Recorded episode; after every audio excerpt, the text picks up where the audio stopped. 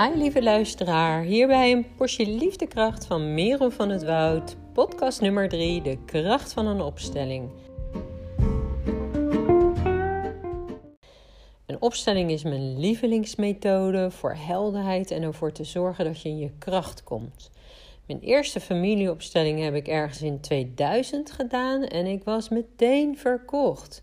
Jeetje, wat is dit uh, bijzonder. En ik wist niet dat dit mogelijk was. Dingen vanaf de kern oplossen en echt zien wat er speelt. Opstelling is geen toneelstukje of een rollenspel. Het gaat veel verder dan dat. Heb je nog nooit een opstelling gedaan? Wellicht is het dan handig om even uit te leggen wat het inhoudt. Tenminste, voor zover dat kan. Want een opstelling is zo anders dan anders dat je het uh, eigenlijk zelf moet ervaren. Tijdens een opstelling laat je een ander zich met jouw systeem, jouw energieveld verbinden.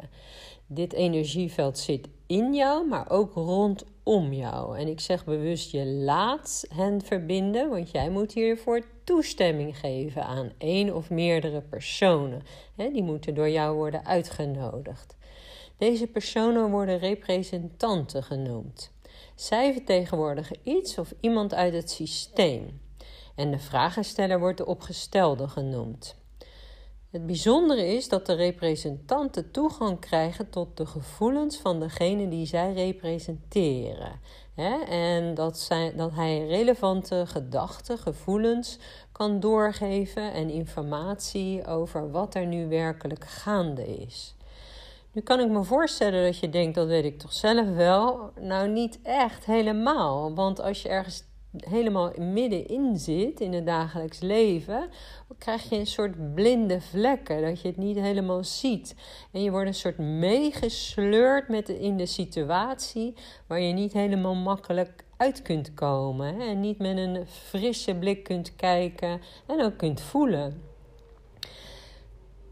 Dit kan informatie over je familie zijn, maar ook over je werk of keuzes die je wilt maken. Gewoon elke vraag is prima. Het is maar net waar jij interesse in hebt, dat kun je inbrengen. En uh, ja, alles is een systeem. Jij bent onderdeel van een systeem, maar ook je familie is een systeem. Het bedrijf waar je werkt. En die dynamiek die kan ook helder gemaakt worden tijdens een opstelling. Dus er worden eigenlijk dingen bewust gemaakt die onbewust spelen. En dit kan voor grote eye-openers zorgen en vooral voor rust. Want het is mijn ervaring dat het heel onrustig kan zijn als je bepaalde dingen voelt, maar er niet echt je vinger achter kunt krijgen. Alleen al om te zien wat er werkelijk aan de hand is en dat je toch gelijk hebt, dat kan uh, ja, heel veel rust geven. Um, het energieveld waarop wordt ingelogd, dat wordt ook wel het Akasha-veld genoemd. En dat is het uh, universele en permanente geheugen van het universum. Hierin ligt niet alleen het kosmische verleden besloten, maar het herbergt ook de aanzet tot wat nog komen gaat. En mystici die hebben al eeuwen aangegeven dat alles uh, een verbindend kosmisch veld heeft en ook een kosmisch geheugen. Dat maakt dat ik gemakkelijker de, de opstelling, het cirkelwerk kan begrijpen. Want ik had daar best wel een beetje moeite mee van hoe weet die persoon dat? En is het niet bedacht? Nee, het kan werkelijk kloppen. Tenminste, als het heel uh, ja, bewust en goed uh, neergezet wordt. Familieopstellingen wordt het genoemd, of systeemopstellingen of systemisch coachen. En dat gaat veel verder dan dat. Er wordt he, allerlei die, uh, dynamiek kan helder gemaakt worden. Allerlei situaties uit het verleden. Hè, wat, wat, wat je voorouders uh, hebben meegemaakt. Of wat zij gevoeld hebben. Nou, allemaal hartstikke belangrijk en, en ook heel functioneel. Maar hoe vaker ik een familieopstelling deed, hoe meer ik het gevoel had: goh, ik wil nog even door met deze situatie. Of verder uitdiepen. We kunnen er veel meer informatie uithalen.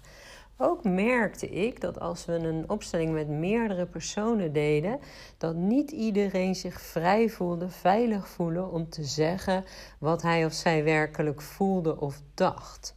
En daarom ben ik individuele opstellingen gaan doen. En het vind, ik vind het prachtig om te doen, want elke keer is het weer helemaal anders. Het is, voelt heel speciaal. Het zijn echt cadeautjes. En uh, wat het zo fijn maakt, is dat uh, het zo klopt voor de personen waarmee je werkt. En uh, waar we na een tijdje achter kwamen, en dat heb ik eigenlijk nooit geweten, is dat iedereen een energieveld, een cirkel om zich heen heeft met die uh, informatie daarin opgeslagen over jou, je verleden, je heden, maar ook je toekomst, tenminste gedeeltelijk. Dingen die jij al uit hebt gezet, waar jij al energie in hebt geblazen. Maar ook blokkades, dingen die je tegenhouden, je talenten. Dat kunnen we allemaal naar boven halen. En dan is het niet, je krijgt er een heel lijstje uh, uit de computer rollen van dit en dit moet je gaan doen. Nee, maar het zorgt wel voor helderheid, voor bevestiging.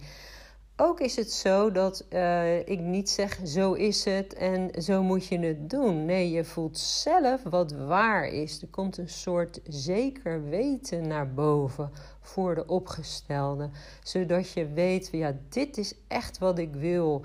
En het voelt heel goed. En dit gevoel en deze kennis kun je natuurlijk in de praktijk meteen daarna toepassen. En dat maakt dat er meteen al veranderingen zijn. Niet alleen in je eigen energie, maar ook in hoe jij anderen benadert of hoe anderen jou benaderen. Want zoals je wellicht weet, is alles energie en de energie die jij uitstraalt, die krijg je ook terug. Het andere wat ik heel bijzonder vind aan een opstelling is dat je een soort hele, in een soort warm bad terechtkomt. En dat je die verbinding met de bron, met source, ook heel sterk voelt. In het Engels zeggen ze zo mooi: uh, Source has your back. Dus uh, de bron uh, die steunt je, die begeleidt je. Dat wordt voelbaar. En dat is een soort ja, een reconnecten tijdens een opstelling met die bron. En dat, dat voelt heel fijn en respectvol voor het leven. Maar ook voor wie jij bent en wat jij hier komt doen. Nou, nogmaals, uh, je krijgt allemaal duidelijkheid. Hè? Je kunt bepaalde vragen indienen. En uh, ja, het fijne vind ik dat het voor de opgestelde vaak heel duidelijk is wat die cirkel precies is. En dan let heel nauw. En daarom, uh, daardoor kan ik echt zien dat het ook echt waar is. Hè? Dus dat je echt ziet van ja, dit moet hier en ik moet hier staan. Er komt een heel zelfverzekerd persoon bovendrijven. En ook dat kan weer worden meegenomen in het uh, dagelijks leven. Nou, onlangs had ik een opstelling met een dame die het bedrijf van haar vader zou overnemen. En elke keer als, uh, als de overdracht in zicht uh, was, gebeurde er wat. Dus de auto ging kapot, ze werd ziek, niemand kon er brengen. Uh, ze was op het verkeerde adres. Ja, het was echt bizar om waar te zijn. Um, tijdens een opstelling kwamen we erachter dat zij het bedrijf van de vader helemaal niet over wilde nemen. Tenminste, niet in de hoedanigheid dat het was. Zij had hele andere plannen. Maar naar, met een loyaliteit naar haar vader toe dacht ze, ja, ik neem het over, want dit is een soort verplichting. Ik moet het doen, ik hoor dit al jaren. En daar was ze eigenlijk niet zo bewust van. Door dat helder te krijgen en ook helder te maken van dit is hoe ik het zelf wil en hoe ik het zelf voel, had ze een hele goede ja, voorbereiding om een goed gesprek met haar vader aan te gaan. En heel fijn, ze hebben het bedrijf kunnen splitsen. Zij heeft het deel overgenomen wat zij uh, wilde, of in ieder geval dat is nu in gang gezet. En het andere deel, ja, dat, dat wordt verkocht of daar worden andere dingen mee gedaan. En dan denk ik, ja, hoe geweldig is het niet om dat vooraf te doen, zodat je niet uh, achteraf al die beslissingen hoeft te nemen waar je helemaal niet op zit te wachten. Wat ik tijdens een opstelling ook vaak merk, is dat heel veel mensen zich in het dagelijks leven heel erg oppeppen. Ga dit doen, wees niet zo lui, kom op, je kan het, doe het. En tijdens een opstelling zie ik letterlijk dat ze geblokkeerd kunnen zijn. Dat iets heel erg in de weg staat, of dat ze gewoon geen beweging kunnen maken. Nou, door die blokkades te zien en daarna op te heffen, hè, weer de energie te laten stromen, duidelijkheid te krijgen, kun je daar meteen eh, mee doorpakken na de opstelling. En dat geeft uh, ja, heel veel vertrouwen, maar ook kracht en ook uh, ja, plezier vooral in van ik weet weer wat ik moet doen. Denk niet alleen uh, aan problemen of lastige situaties hè, of in relaties waar je niet uitkomt of waar je helderheid in wil hebben, maar vooral ook in goede dingen zoals of positieve dingen zoals welke keuzes moet ik maken? Zal ik mijn carrière die kant of die kant uit laten lopen? En tijdens een opstelling ja, zie je vaak heel duidelijk wat dat moet zijn. Want je bent in, tijdens een opstelling ook heel erg verbonden met je gevoel. En dat is een belangrijke factor. Nou, vind je het leuk om zelf een opstelling te doen? Of heb je vragen? Of wil je eerst een keertje kennis maken? Of een keertje vrijblijvend kletsen? Mail dan naar, naar info.liefdekrachtcoaching.nl of ga naar de website. Of wellicht vind je het leuk om een keer de workshop Liefdekracht te volgen, waarin ik ook een paar mini-opstellingen ga doen. En dan kun je er alvast uh, aan proeven en kijken of het wat voor je is. Het geeft je in ieder geval respect voor het leven en het zal je heel erg uh, ja, je kennis vernieuwen en inspireren. Nou, dankjewel voor het luisteren en hopelijk tot de volgende podcast. Bye bye.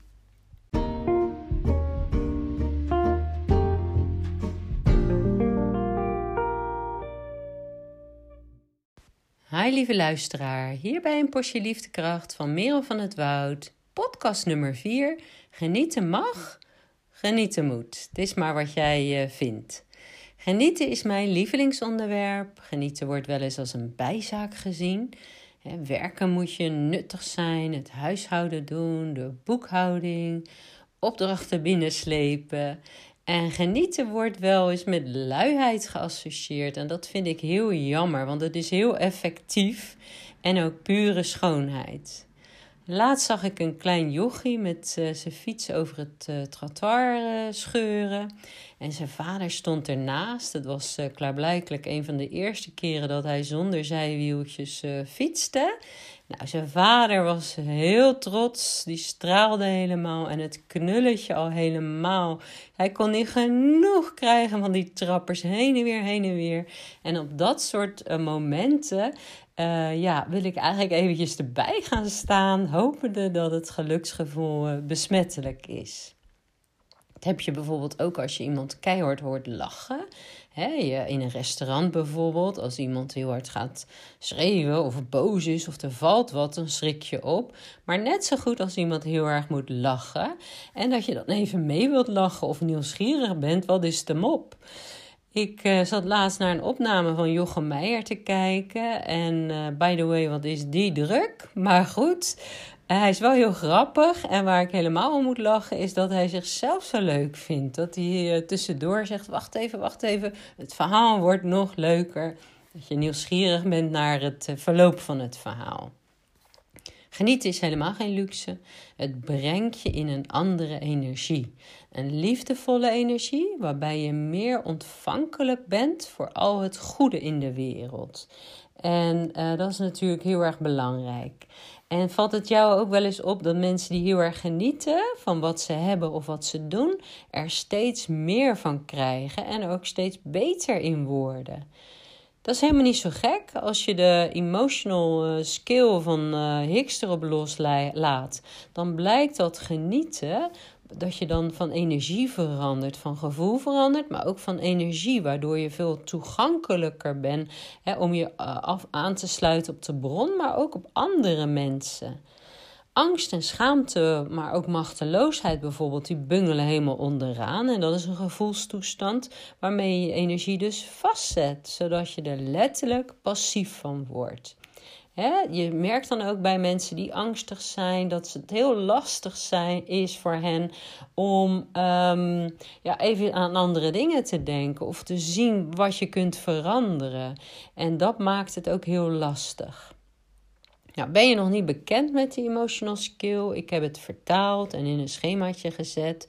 Als je het wil ontvangen, mail dan even naar info@liefdekrachtcoaching.nl. Dan stuur ik het schemaatje op samen met een beknopte uitleg hoe je het kunt inzetten.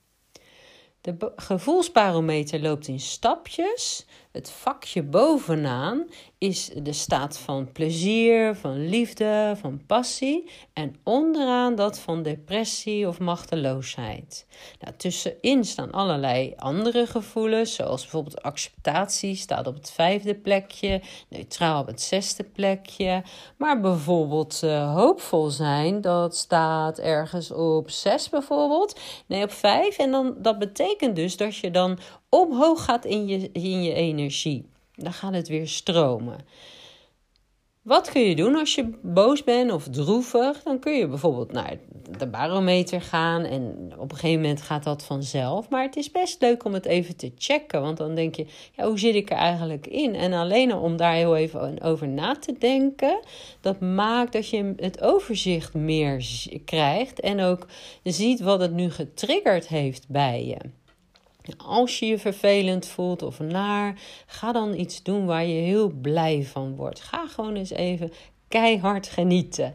Kopje koffie in de zin, uh, in de zon, of uh, een wandelingetje, of spelen met je huisdier, of een lekker muziekje aanzetten. Het kan van alles zijn. Ik doe zelf uh, vaak uh, ga kijken naar uh, grappige filmpjes. Ook als bijvoorbeeld even mijn werk niet lukt. Ik schrijf veel. En dan kan je soms helemaal niet meer zien of dan vind je alles stom op een gegeven moment. Door juist daar even uit te gaan. Even iets heel anders te doen. En dan weer terug naar de tekst te gaan. Dan, ja, dan zie ik dat, er best wel, dat ik best wel weer verder kan. Nou, ik snap heel goed dat het niet makkelijk kan zijn. Hè? Als je heel down bent, is het heel makkelijk gezegd: joh, je moet wat meer hoop hebben. Kom op, je kan het. Nee, zo werkt het niet. En het gaat ook in hele kleine stapjes. Maar ik vind het alleen al wat dat je tenminste iets hebt waar je mee kunt werken. En wat ik heel leuk voorbeeld vind uh, van een gelijksoortige situatie, is als uh, Cesar Milan, de hondentrainer, die een groot programma heeft op uh, Discovery, die wat hij doet als honden heel agressief zijn of willen gaan bijten of wat anders wat niet fijn is willen gaan doen, dan geeft hij net even een duwtje in de nek. En dan zegt hij ook: I'm going to snap them out of it. Dus even uit die boosheid halen of uit die agressie. En dan zijn ze even flabbergasted, waardoor ze weer opnieuw moeten beginnen en dan weer de boosheid opbouwen. Dat duurt even. En in die tussentijd kan die met de hond aan de slag corrigeren of iets doen wat fijn is. Nou, dat is voor mij een mooi voorbeeld hoe je jezelf ook weer even ergens uit kunt snappen. Wat ik zelf leuk vind als ik bijvoorbeeld een, uh, of wat eigenlijk vrij automatisch gaat, is naar schoonheid kijken of naar mooie dingen of naar iets positiefs. En natuurlijk lukt het mij ook niet altijd, maar als ik sta, ik sta wel eens op een beurs, hè, geef ik stylingadvies en dan kunnen er wel eens mensen voorbij komen die, ja, er niet zo zin in hebben, die heel negatief zijn en alles stom aan zichzelf of lelijk, te dik, te dit, te dat. En dan is het best lastig om daar even weer wat positiviteit in te brengen. Ja, en daar word ik voor ingehuurd om uh, leuke, mooie stylingadviezen te geven. Nou, wat er dan gebeurt is dat ik automatisch op zoek ga naar iets moois van die persoon. Naar de blauwe ogen bijvoorbeeld, die ik dan kan benadrukken met, met bepaalde kleuren. Of dat ik bijvoorbeeld een mooie glimlach of de mooie lengte of taille wil accentueren. En juist dat dingetje, dat brengt mij daar dat ik er niet in blijf hangen. En dat we niet allebei zaggerijnen gaan zijn, maar uh, dat we weer door kunnen. En dat voelt ook heel fijn, want een klant denkt, nou ik heb het even kunnen zijn. Ik hoef me niet anders voor te doen, maar nu weer verder. En daardoor ja, heb ik het gevoel dat het altijd waardevol en uh, intiem is. Kunst kan natuurlijk ook dat effect hebben. Heel fijn om je even helemaal te verliezen in een prachtig schilderij of een gedicht. Wat je wellicht helemaal niet eh, meteen begrijpt. Maar juist dat haalt je even uit de werkelijkheid van wat die is. Begrijp dat je één of twee stapjes naar boven, dat is al heel wat. Hè? Dus wat ik net zei van uh, depressief naar een klein beetje hoopvol of een klein beetje moed krijgen. Dat zorgt ervoor dat jouw energie verandert en dat je dan uh, in een soort ja, meer flow terechtkomt. En ik hoor dat ook veel van kunstenaars of muzikanten. En dat duurt vaak eventjes voordat ze in die flow terechtkomen. En daar doen ze dan veel moeite voor. Hè? Helemaal van alles voorbereiden of uh, een borreltje erbij of wat anders. Nou, zitten ze helemaal in die flow, dan willen ze dat dat zo lang mogelijk duurt. Want dan weten ze, dan zijn ze vaak het meeste productief. Um, Esther Hicks zegt: Don't start before you are ready. En dat is een tegengesteld uh, ja, advies van wat de meesten in, inmiddels nu zeggen. Die zeggen van start before you're ready. Gewoon doen en gaan. Ook al kan je het nog niet helemaal, daar leer je van. Nou, heel leuk advies, maar STX zegt juist weer: don't start before you are ready. Dat wil zeggen, zorg eerst dat je energie goed is en ga dan starten. Hè? Dus zorg dat je in een, een positieve toestand, als je dat telefoontje gaat, uh, dat lastige telefoontje gaat doen, of een brief gaat maken, of een stuk schrijven. En dat, dat niet met een negatieve energie uh, hoeft te gebeuren, want dan is het eindresultaat ook vaak minder leuk. En daarom is genieten zo belangrijk? Het brengt jou in een uh, situatie dat je product of wat je ook gaat doen, al is het strijken of wat anders, vaak mooier en fijner wordt. Hè? Met maaltijden kan je dat ook zo hebben. Als je zomaar wat in de pan kwakt, dan wordt het nooit lekker. Maar als je het even met liefde bereidt, zorgvuldig, met dezelfde ingrediënten, wordt het vaak uh, heel anders. Een gevoel in de flow zijn, dat is een gevoel met de stroom mee te bewegen. Dan voel je dat het meer klopt. Het werkt meer mee. En dan ben je ook meer verbonden met je hogere doel. Dus het doel waar jij, hè, wat jij, waar jij heel goed in bent, wat jij goed kan, waar je voor gekomen bent. En het hoge doel is altijd iets waar jij van houdt, wat je gemakkelijk afgaat. En dat is natuurlijk ook heel fijn om te ontdekken. Nou, iets anders wat ik goed nieuws vind, is dat plezier hebben, genieten ook heel erg belangrijk voor de gezondheid is. En dat er steeds meer onderzoeken uitwijzen dat als je positief bent, als je vrolijk bent, dat je dan sneller geneest of dat je minder snel ziek bent. Dus alleen dan, daarom is het al uh, de moeite waard. Nou, wat ik uh, nog even leuk vind om uh, mee af te sluiten, is dat voor mij, wat mij betreft, is happiness, happiness contagious. Dat wil zeggen, het is besmettelijk. Dus doe het zoveel mogelijk dat iedereen meegaat, met je, meegaat doen met je. En alleen al het jongetje op de fiets, wat, wat een paar jaar geleden gebeurd is, maar nog steeds als ik daar fiets, denk ik vaak aan dat knulletje. Dus zo effectief is het. Dit was weer mijn uh, podcast. Wil je meer informatie of wil je een workshop volgen of een opstelling doen? Mail dan naar liefdekrachtcoaching.nl of uh, nou, wellicht uh, luister je meer podcast. Graag tot dan. Bye bye. Hi lieve luisteraar, hier bij een portie liefdekracht van Merel van het Woud. Podcast nummer 4, Genieten mag. Genieten is mijn lievelingsonderwerp. Genieten wordt wel eens als een bijzaak uh, gezien. Uh, werken moet je, je moet nuttig zijn, het huishouden doen, opdrachten binnenhalen. Genieten wordt dan met luiheid uh, geassocieerd. Ga wat doen. En dat is eigenlijk heel jammer. Want genieten brengt jou in een andere energietoestand, waardoor je veel makkelijker creëert. Daar vertel ik straks meer over. In eerste instantie vind ik genieten pure schoonheid. Een tijdje geleden zag ik een uh, klein jochie met zijn fiets over het voetpad uh, scheuren. En zijn vader stond aan de zijkant. Het was duidelijk dat het een van de eerste keren was dat het, uh, het jongetje lukte om zonder zijwieltjes te fietsen.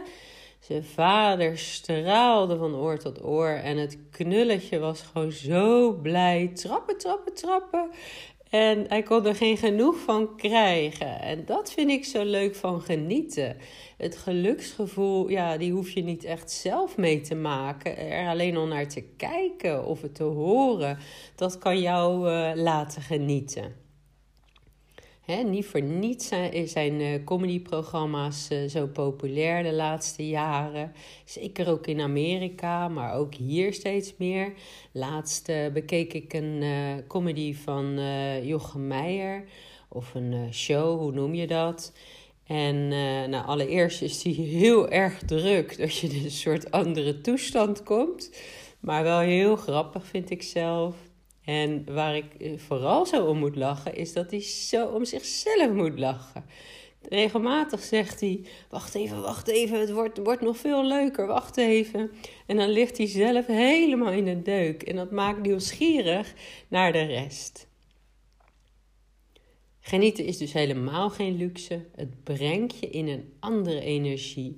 Een liefdevolle energie waarbij je meer ontvankelijk bent voor al het goede in de wereld.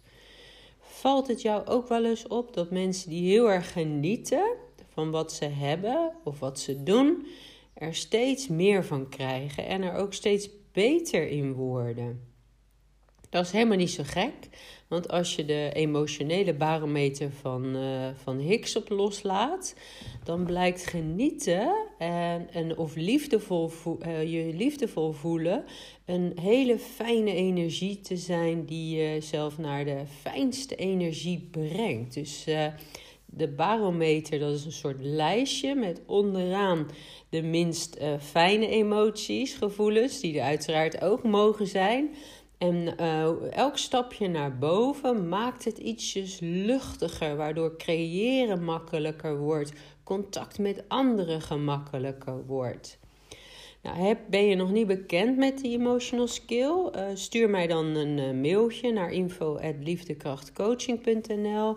Ik heb het schemaatje vertaald en in mijn eigen woorden gezet. En dat kan ik je toemailen als je dat wil. Met daarbij een kort lijstje hoe je het kunt gebruiken. De gevoelsbarometer loopt dus in stapjes. Bovenaan helemaal plezier, liefde, joy, passie. Onderaan depressie, machteloosheid. En wat de bedoeling is, eh, met dat lijstje kun je testen. Ja, test is een groot woord, maar je kunt even toetsen waar, waar sta ik nu en waar wil ik naartoe. En uiteraard, als je heel erg uh, depressief of down bent of hopeloos, ja, dan kun je niet van, eh, van plaatsje 11 doorschieten naar 1 en het ineens allemaal heel leuk vinden. Maar ook kan je maar van 11 naar 9, naar boos bijvoorbeeld. Hè? En boos wordt soms uh, heel negatief over gedacht. En natuurlijk moet je niet te lang boos zijn. Maar als je depressief bent, dat betekent als je boos gaat worden dat er iets openbreekt, dat er weer energie gaat stromen. En als je dan bijvoorbeeld naar plekje 5 uh, eh, weet te komen, van hoopvol zijn of vertrouwen hebben of acceptatie, dan uh, merk je dat je je anders voelt. Je energie is anders, anderen reageren anders op je en je ziet weer dingen. Dus uh, je maakt openingetjes om weer ja, dingen toe te laten, dingen duidelijk te zien, mogelijkheden, kansen. En natuurlijk, als je heel boos bent, eh, laat dat gewoon even. Maar het is wel fijn om te onderzoeken waar het aan ligt. En vooral ook om te ontdekken, joh, kan ik dit zo kort mogelijk laten zijn? Hè? Of hoe kan ik die boosheid-energie goed gaan inzetten om dingen aan te gaan pakken? Wat ik zelf een hele fijne vind, is uh, op zoek te gaan naar iets positiefs of iets moois de positieve kant van een situatie te bekijken, hoe lastig dat soms ook kan zijn. Dat heb ik zelf wel eens. Als ik op een beurs sta bijvoorbeeld, dan uh, ja, zijn er wel eens mensen die heel negatief zijn. Niks vinden ze goed of mooi of uh, hè, ze vinden zichzelf te dik of wat ook. Nou, als stylist is het mijn bedoeling om ze te adviseren wat leuk staat en hoe ze er mooi uit kunnen zien. Door juist, en dat gaat eigenlijk vanzelf, te kijken wat mooi aan hen is. Dus dan zie ik ineens die mooie blauwe ogen, hè, die, waarbij ik dan uitleg hoe ze die kan uh, accentueren, met welke kleuren, kleding, make-up. Uh, dan komt die dame in een soort andere toestand. En dan uh, ja, hoort zij mij wel. En in dat negatieve, ja, als ze in een negatieve modus is, dan komt het helemaal niet binnen. Maar juist het kijken naar schoonheid, en daarom is kunst ook zo waardevol. Hè? Kijken naar een mooie schilderij, daar kun je echt even helemaal in verliezen. Of luisteren naar een mooi gedicht, dat is natuurlijk ook uh, heel fijn. En daardoor ben je even afgeleid. Een leuk voorbeeld uit de dierenwereld vind ik uh, Caesar Milan, de, de hondentrainer. En uh, uit Amerika. En die uh, kun je bekijken op Discovery Channel. Wat hij doet, is als honden heel agressief zijn bijvoorbeeld, vlak voor het moment dat ze bijvoorbeeld willen aanvallen of iets anders vervelends willen doen, dan uh, geeft hij een, de hond een soort drukje, een soort, nou, een mini-klapje kun je eigenlijk zeggen, in, zijn, in de nek, zodat de hond even afgeleid is. hij zegt dan ook: I'm going to snap him out of it. Dus dat uitsnappen, zeg maar, dat zorgt dat je even helemaal uit je agressieve rol uh, komt. En uh, ja, zo is de hond helemaal flabbergasted en even uit die agressie, waardoor hij de hond kan herpakken en de juiste kant op kan sturen. Nou, zo zie ik uh, de gevoelsbarometer eigenlijk ook. Je kunt je gevoel door al even vijf minuten niet aan, dat, aan de vervelende situatie te denken. Door een leuk filmpje, lekker muziekje, kopje koffie, het zonnetje op je gezicht. Hè? Eh, allemaal fijne dingen. Even spelen met je huisdier of met, het, met je kind. Dat zorgt ervoor dat je weer in een positievere flow komt. Ik heb dat zelf ook als ik schrijf. Ik schrijf best veel.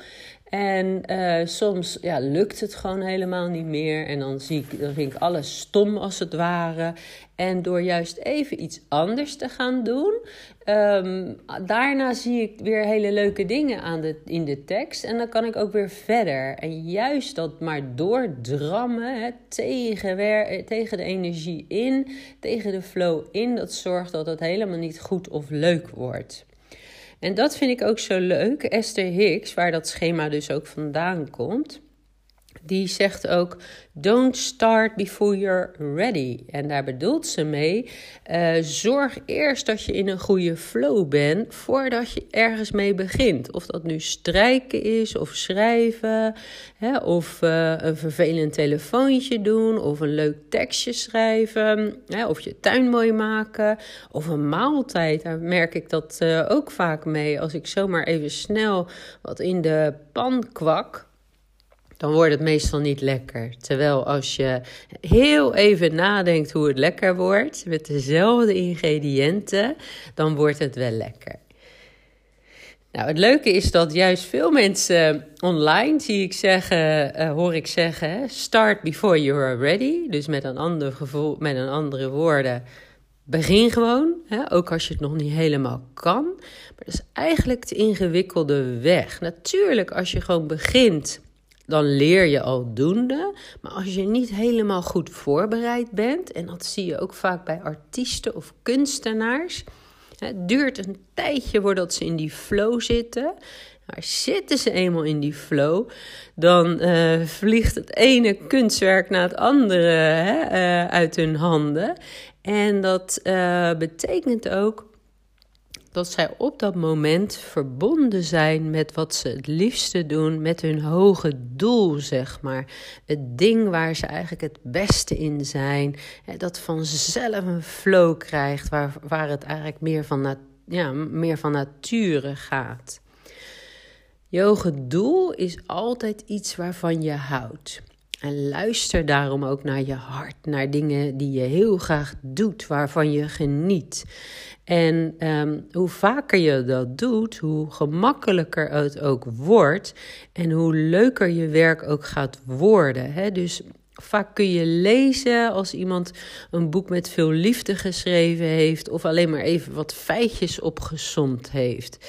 of, of een film ziet waar, waar echt het hart in zit. Dat maakt het zoveel fijner om naar te kijken. Een andere reden om vooral heel veel te genieten is dat plezier hebben enorm belangrijk is voor je gezondheid. Hè, ik, uh, ja, als je eenmaal. Nou, wacht even.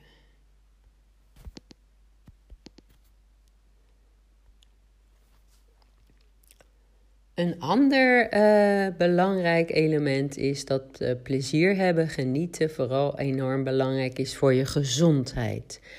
Steeds meer onderzoeken wijzen uit dat mensen die positief zijn, vrolijk zijn, sneller eh, genezen als ze ziek zijn, maar ook minder snel vatbaar zijn voor allerlei ziektes. Dus probeer vooral ook eh, ja, te genieten, nuttig te zijn, wat dat voor jou dan ook is. Hè. Dat is zo leuk uh, van die Blue Zone, die zes uh, delen in de wereld waar mensen heel lang en gezond oud worden. Die eten niet alleen gezond, maar die zijn vaak ook sociaal en gelukkig. Die hebben een doel. En daarom zou ik willen zeggen: geniet vooral. En wat mij betreft is genieten ook besmettelijk. Dus hoe meer jij het doet, hoe meer de omgeving dat ook zal doen. Denk maar aan het knulletje op de fiets. Ik heb dat een tijd geleden gezien. En nog steeds, als ik daar langs fiets, dan denk ik: oh, zou dat knulletje er weer fietsen? Dus zo'n impact heeft het gemaakt. Zonder dat zij, die vader of dat jongetje, dat weten, hebben ze mij onbewust een beetje ja, laten genieten. Dit was weer mijn uh, podcast. Wil je meer informatie? Ga naar de website liefdekrachtcoaching.nl of stuur me een mailtje als je het schemaatje wil ontvangen of als je een workshop wil volgen of een opstelling wil doen. Nou, ik hoop je weer, uh, dat je weer luistert naar de volgende podcast. Fijne dag. Bye bye.